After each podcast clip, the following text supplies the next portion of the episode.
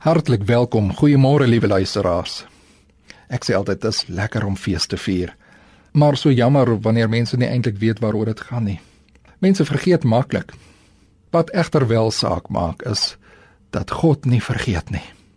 God het aan ons gedink. Hy laat die fees begin.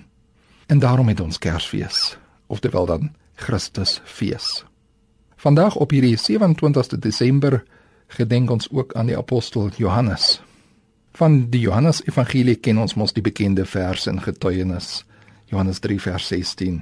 Want so lief het God die wêreld gehad dat hy sy enige gebore seun gegee het sodat elkeen wat in hom glo nie verlore mag gaan nie, maar die ewige lewe kan hê. Ek wil u aanmoedig om hierdie vers te memoriseer en vas daaraan te hou.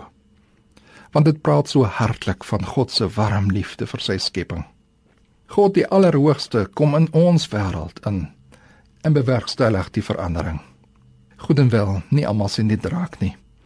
Maar diegene wat dit raak sien, soos byvoorbeeld ook hierdie apostel Johannes.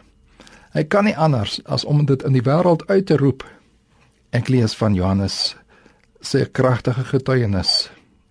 Johannes 1 vers 14.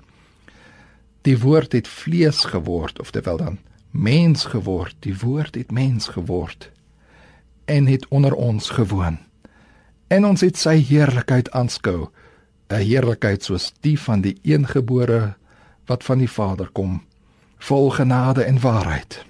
Iemand het vir my een keer verduidelik dat die oorsprong van hierdie woord genade van die Germaanse woord genahen afgelei is.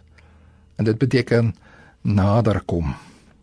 Ek hoor hoe die boodskap van die afgelope feesgety nog een keer weer galm. God kom nader. Dit is genade. In Christus kom die groote God nog nader soos nog nooit tevore nie.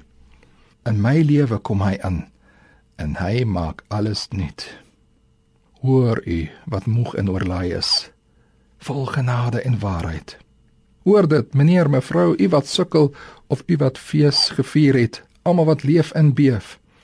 Hy kom weer wanneer u die Bybel oopmaak en begin lees, vol genade en waarheid. Wanneer u saam met ander erediens toe gaan, vol genade en waarheid. Wanneer u weer werk toe gaan om met die alledaagse oorlewingsstryd voort te gaan, vol genade en waarheid.